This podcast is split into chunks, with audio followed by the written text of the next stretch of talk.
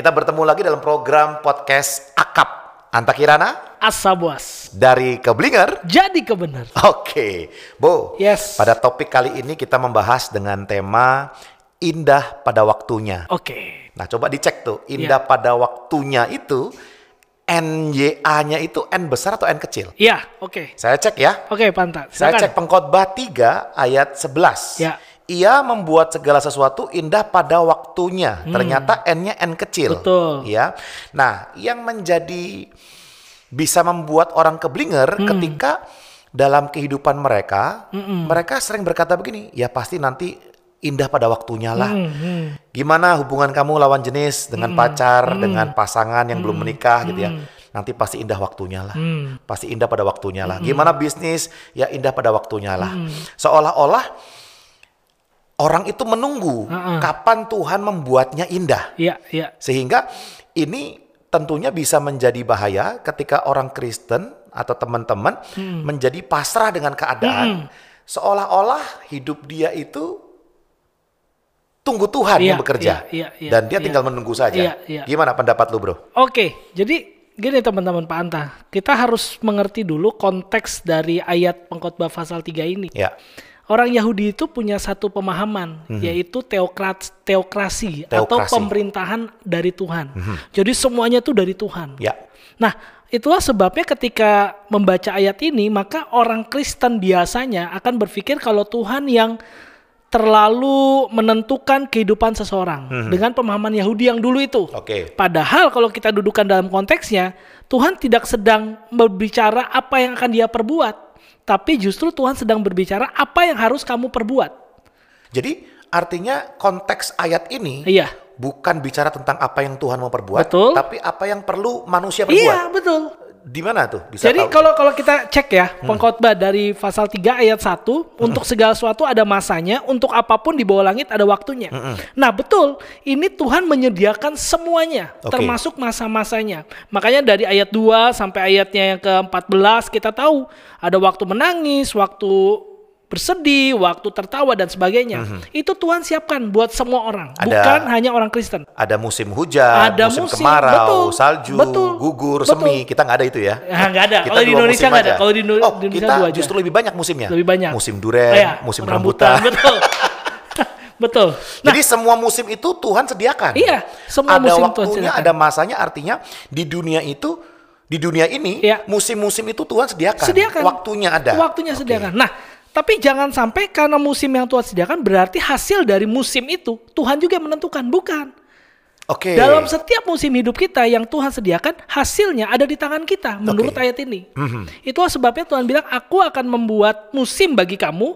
Kalau Pak Anta baca di ayat 12, "Aku tahu bahwa untuk mereka tak adalah yang lebih baik daripada bersuka-suka dan menikmati kesenangan dalam hidup mereka." Tuhan izinkan itu terjadi, tetapi jangan lupa ujung-ujungnya kamu harus ikuti proses Tuhan dan bekerja di dalamnya. Oke. Jadi jangan sampai karena bilang menunggu waktu Tuhan akhirnya pasrah seperti tadi Pak Anta bilang enggak. Tuhan nggak sedang ngomong gitu. Nah menarik karena pengkhotbah ini tulis oleh Salomo, sementara Salomo juga dalam Amsal dia berkata orang yang tidak mau bekerja, orang yang tidak mau berjeri lelah itu belajar kepada semut. Mhm. Nah itu kan jelas tuh. Ternyata Salomo sendiri tidak sedang berkata bahwa orang harus pasrah karena ada musim-musim yang berganti bukan itu Iya. bukan. Bahkan di Amsal itu Salomo banyak memberikan teguran kepada orang-orang yang malas ya. Persis. Hai pemalas, hai pemalas. Iya.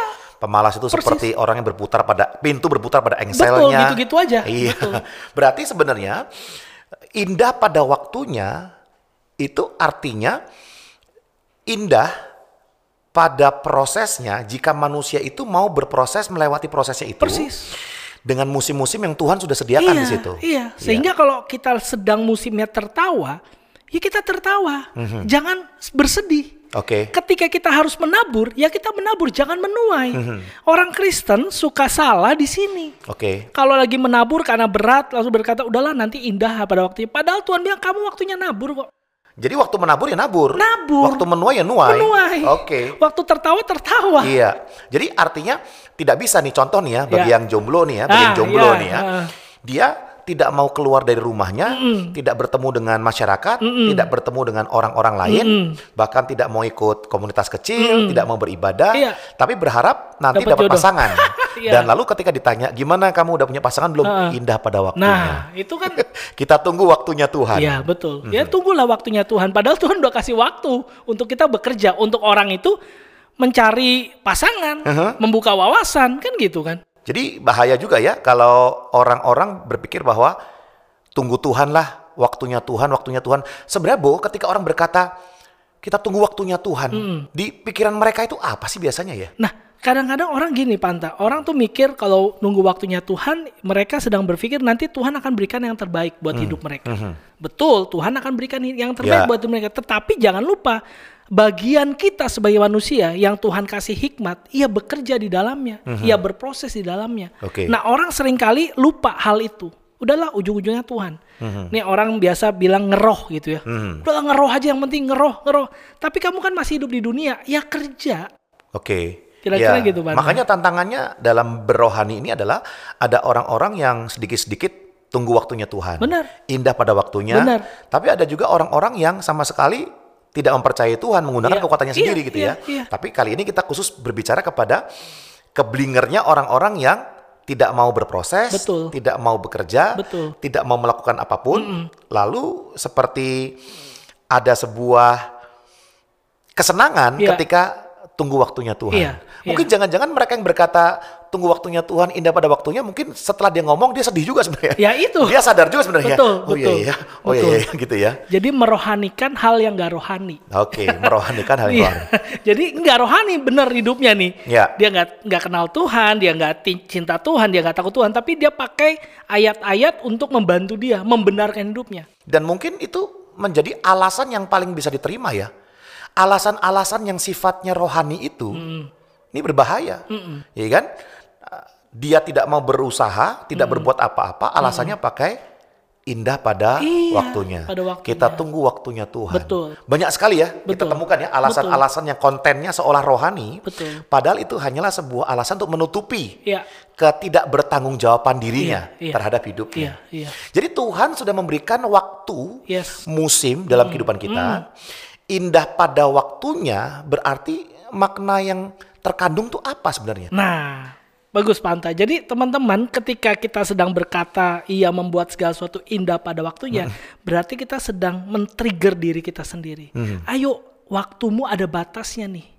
Kalau waktu lagi susah, lagi menabur, lagi mungkin berduka cita, ya udah. Itu sebagai motivasi bahwa nanti waktu ini akan berlalu. Ya, Nah, di tengah-tengah waktu itu kamu jangan terlalu bersedih, jangan justru terpuruk. Justru itu waktunya kamu memperkuat dirimu, mempertebal keimananmu.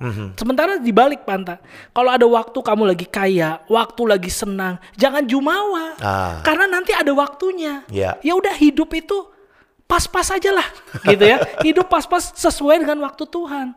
Sehingga kita nggak jadi iri hati, Panta. hmm, Karena setiap musim yang orang punya itu berbeda. betul. Memang Tuhan menyediakan semua musim, Betul. tetapi buat setiap orang beda. Seperti ke Pak Anta, oh Pak Anta lagi di posisi A, saya posisi B. Saya nggak bisa ngelihat itu lalu iri hati. Kok enaknya jadi Pak Anta? Atau sebaliknya nggak bisa. Jadi setiap musim yang Tuhan percayakan buat hidup seseorang, orang itulah dan Tuhan yang paling tahu. Oke. Sehingga kita harus introspeksi diri. Kalau lagi susah, jangan bersedih hati, terpuruk karena Ya. nanti pasti ada musim yang baru. Ya. Sementara kalau lagi senang-senang, hati-hati juga karena nanti ada musim yang berganti lagi. Oke. Kira-kira gitu. Makanya kalau sederhananya berarti seperti yang dijelaskan sama Dikau, ada orang yang berharap di akhir tahun dia punya tabungan, katakanlah 50 juta. Nah, iya. ya, tapi dari sekarang nggak pernah nabung. Itu. Memang Tuhan bisa bikin mujizat. Wah, Siapa biar- tahu nanti di akhir tahun ada Ada orang yang ngasih. kasih-ngasih gitu ya. Tapi nggak bisa kita berkata bahwa ya indah pada waktunya lah dan berharap itu tabungan ngisi sendiri tanpa kita dengan sungguh-sungguh menyisikan dari uang kita. Persis. Ketika uang lagi banyak jangan dihamburkan. Yes. Ketika uang lagi nggak ada juga jangan seperti orang yang sedih hati Iya, demikian sehingga betul, merasa betul. menderita sekali Betul, gitu kan. betul. Oke, menarik ya. Kalau lagi sehat, ya peli- jaga kesehatan. Mhm. Tapi kalau lagi sakit ya jangan juga terpuruk dalam kesakitan. Iya. Kan gitu kira-kira Pak Andre. Iya, oke. Pandemi ini, ya udah kita bersyukurlah di tengah pandemi ini kita masih sehat, kita masih punya keluarga, kita masih bisa bergereja Iya. secara online. Itu kan puji Tuhan. Jadi indah pada waktunya dengan N kecilnya, Iya, indah iya. pada waktunya, itu kontribusi kita jadi penting juga dong ya. Persis. Ya persis. kitalah yang menciptakan juga. Iya. Apakah keluarga kita indah, Iya. apakah pekerjaan kita indah, ya. Iya. Semua kontribusi peran kita jadi penting. Iya, sesuai dengan musim-musim yang sedang kita hadapi. Oke. Gitu. So, terakhir, Ya.